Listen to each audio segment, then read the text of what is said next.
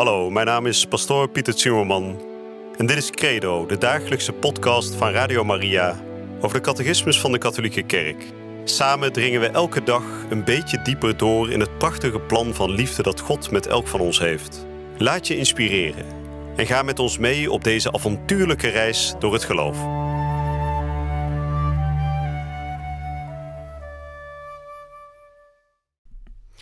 Vrienden, we zijn weer terug bij deze nieuwe uitzending van Credo. Credo waarin we de afgelopen uitzendingen hebben gesproken over het tweede stukje van de geloofsbeleidenis. Het eerste artikel gaat natuurlijk over God de Vader, die ook schepper is. En het tweede stuk gaat over Jezus Christus, de enige geboren Zoon van God. We hebben in de vorige uitzending gehoord dat het hart van ons geloof niet wordt gevormd door een bepaald gedachtegoed of een bepaalde overtuiging, maar dat het hart van ons geloof wordt gevormd door één persoon. En dat is Jezus Christus zelf, de Zoon van de levende God. En vandaag gaan we verder over de betekenis daarvan. We gaan spreken over wat het betekent dat Jezus Jezus heet. We gaan het hebben over zijn naam. We gaan het hebben over wat zijn naam betekent en we gaan ook spreken over wat zijn naam voor ons betekent. Dus een boeiende uitzending vandaag. En we zullen zoals gebruikelijk ook weer vandaag beginnen met gebed. In de naam van de Vader en de Zoon en de Heilige Geest. Amen. Vader in de hemel, wij geloven dat in geen enkele andere naam dan die van uw Zoon Jezus redding is te vinden voor deze wereld. Hij kwam naar de wereld om de schepping die u goed had gemaakt weer in ere te herstellen. Deze schepping was gevallen door de eerste zonde van Adam en Eva. En door de nieuwe Eva Maria en de nieuwe Adam Jezus werd de schepping weer gemaakt zoals hij oorspronkelijk bedoeld was. Zij waren zonder zonde en door het offer dat Jezus brengt aan het kruis wil hij ons weer terugbrengen in de hemel. We willen bidden, Heilige Vader, dat deze catechese-serie daar mag bijdragen, dat het vele harten mag openen, dat het in de gedachten van de mensen mag doordringen dat buiten uw heilige kerk en buiten de naam van uw Zoon Jezus Christus geen redding te vinden is. Amen. We zullen vandaag gaan lezen artikel 2 en dat gaat over de naam Jezus. Ik zal beginnen met nummer 429 en dan zal ik vandaag behandelen 429 tot en met 435. En ik lees voor. Het is uit deze op liefde gebaseerde kennis van Christus dat het verlangen voortkomt Hem te verkondigen, te evangeliseren en anderen te brengen tot het ja van het geloof in Jezus Christus. Maar tegelijkertijd doet zich de behoefte gevoelen dit geloof steeds beter te leren kennen. Hiertoe zullen allereerst de belangrijkste benamingen waarmee Jezus aangesproken wordt vermeld worden. In overeenstemming met de volgorde van de geloofsbeleidenis: Christus, Zoon van God, Heer. De geloofsbeleidenis beleidt vervolgens de belangrijkste geheimen van het leven van Christus: die van zijn menswording in artikel 3, die van zijn Pasen in artikel 4 en 5 en tenslotte die van zijn verheerlijking, artikel 6 en 7. Artikel 2. En in Jezus Christus, zijn enige Zoon, onze Heer. 1. Jezus. Jezus betekent in het Hebreeuws: Yahweh is redding.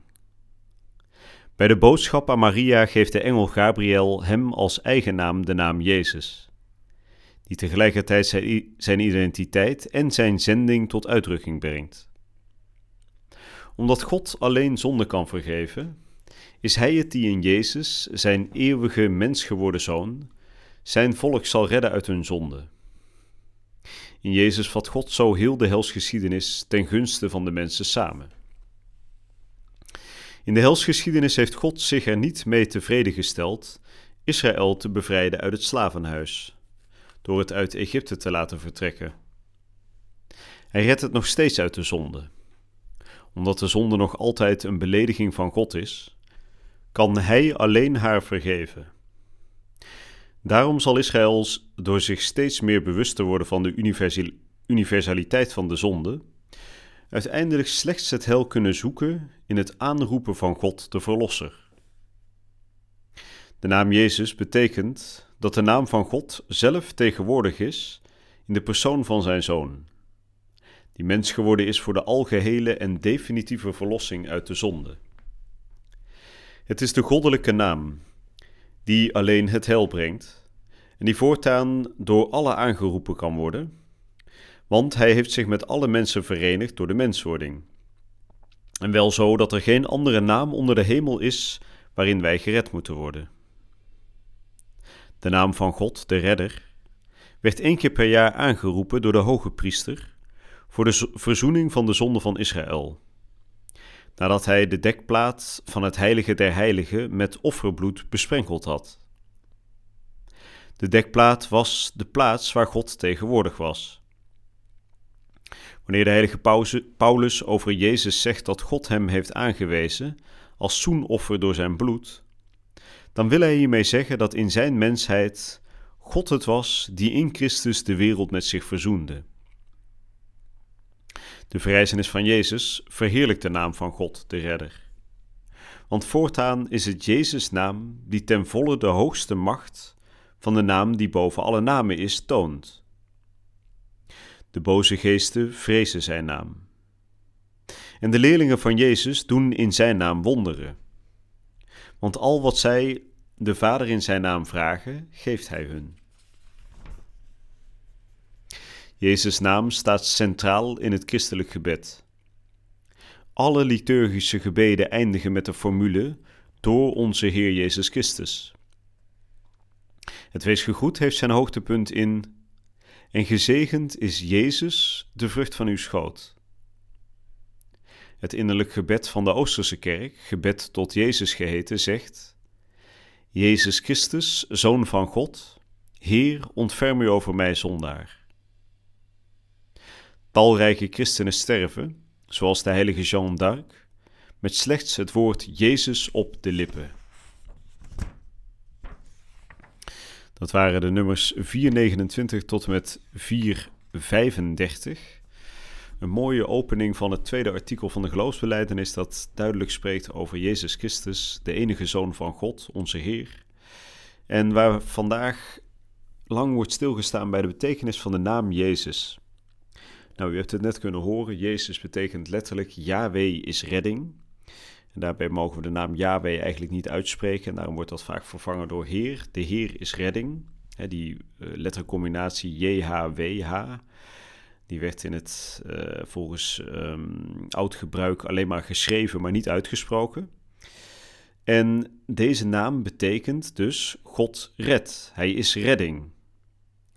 En de catechismus zegt dan ook terecht dat hierin de identiteit en de zending van Jezus vervat ligt.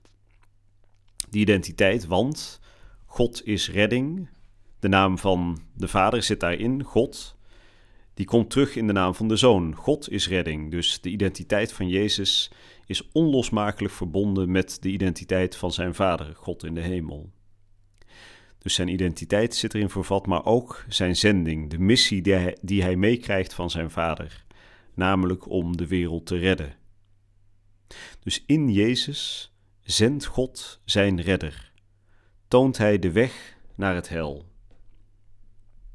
Nou, dat is ook de reden wat uh, volgens de catechismus wordt genoemd, de reden dat in elk belangrijk christelijk gebed, ook de liturgische gebeden, de naam van Jezus terugkomt. Er wordt net gesproken over de afsluitende gebeden in de liturgie, die altijd eindigen met door onze Heer Jezus Christus. En het weesgegoed zelfs heeft als hoogtepunt, hoewel het natuurlijk op Maria gericht is, heeft toch als hoogtepunt Jezus, hè, de vrucht van haar schoot. En ook wat wordt genoemd het Jezusgebed, het innerlijk gebed van de Oosterse kerk. Daar bedoelt de catechismus mee. De Oosterse kerk is natuurlijk de orthodoxe kerk en daarin is een kerngebed van de orthodoxe kerk dat Jezus Christus herhaaldelijk wordt aangeroepen. met de formule die we net hebben gehoord, Jezus Christus, Zoon van God, Heer, ontferm u over mij, zondaar.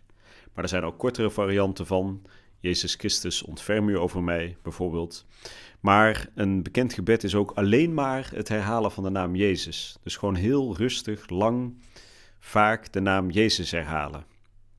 Ook dat is een gebed op zichzelf, omdat natuurlijk in die ene naam al de redding van God wordt genoemd en ook de naam van de Vader wordt genoemd. Nou, en dan sluit de catechismus af met dat mooie voorbeeld van de heilige Jeanne d'Arc. Er zijn natuurlijk tal van heiligen die met de naam van Jezus op de lippen zijn gestorven. Dus uiteindelijk op het moment dat we de naam Jezus uitspreken, is dat in zekere zin al een gebed op zich. Nou, een hele mooie gebedsoefening voor vandaag wellicht om die naam dus heel bewust en heel langzaam en vaker uit te spreken door de dag heen. En om dan op die manier ook dieper door te dringen in wat die betekenis van die naam precies is voor ons. Nou, we zullen er in de volgende uitzending op doorgaan, de naam van de Heer. Hij heet Jezus en hij is de gezalfde, de Christus. En we gaan bij de volgende uitzending volop stilstaan bij wat de naam Christus precies betekent. Voor nu wens ik u een hele goede en gezegende dag toe. Je luisterde naar Credo, de dagelijkse podcast van Radio Maria over de catechismus van de Katholieke Kerk. Credo is iedere werkdag te beluisteren op Radio Maria. Maar je kunt de afleveringen ook in je eigen tempo terugluisteren op onze website, in de app of op Spotify en de andere platforms. Via de website radiomaria.nl vind je dagelijks de link om de bijbehorende teksten uit de catechismus mee of terug te lezen. We zijn erg dankbaar voor alle giften die wij mogen ontvangen. Daardoor kunnen we ons goede werk blijven doen. Draag je ook bij aan deze missie?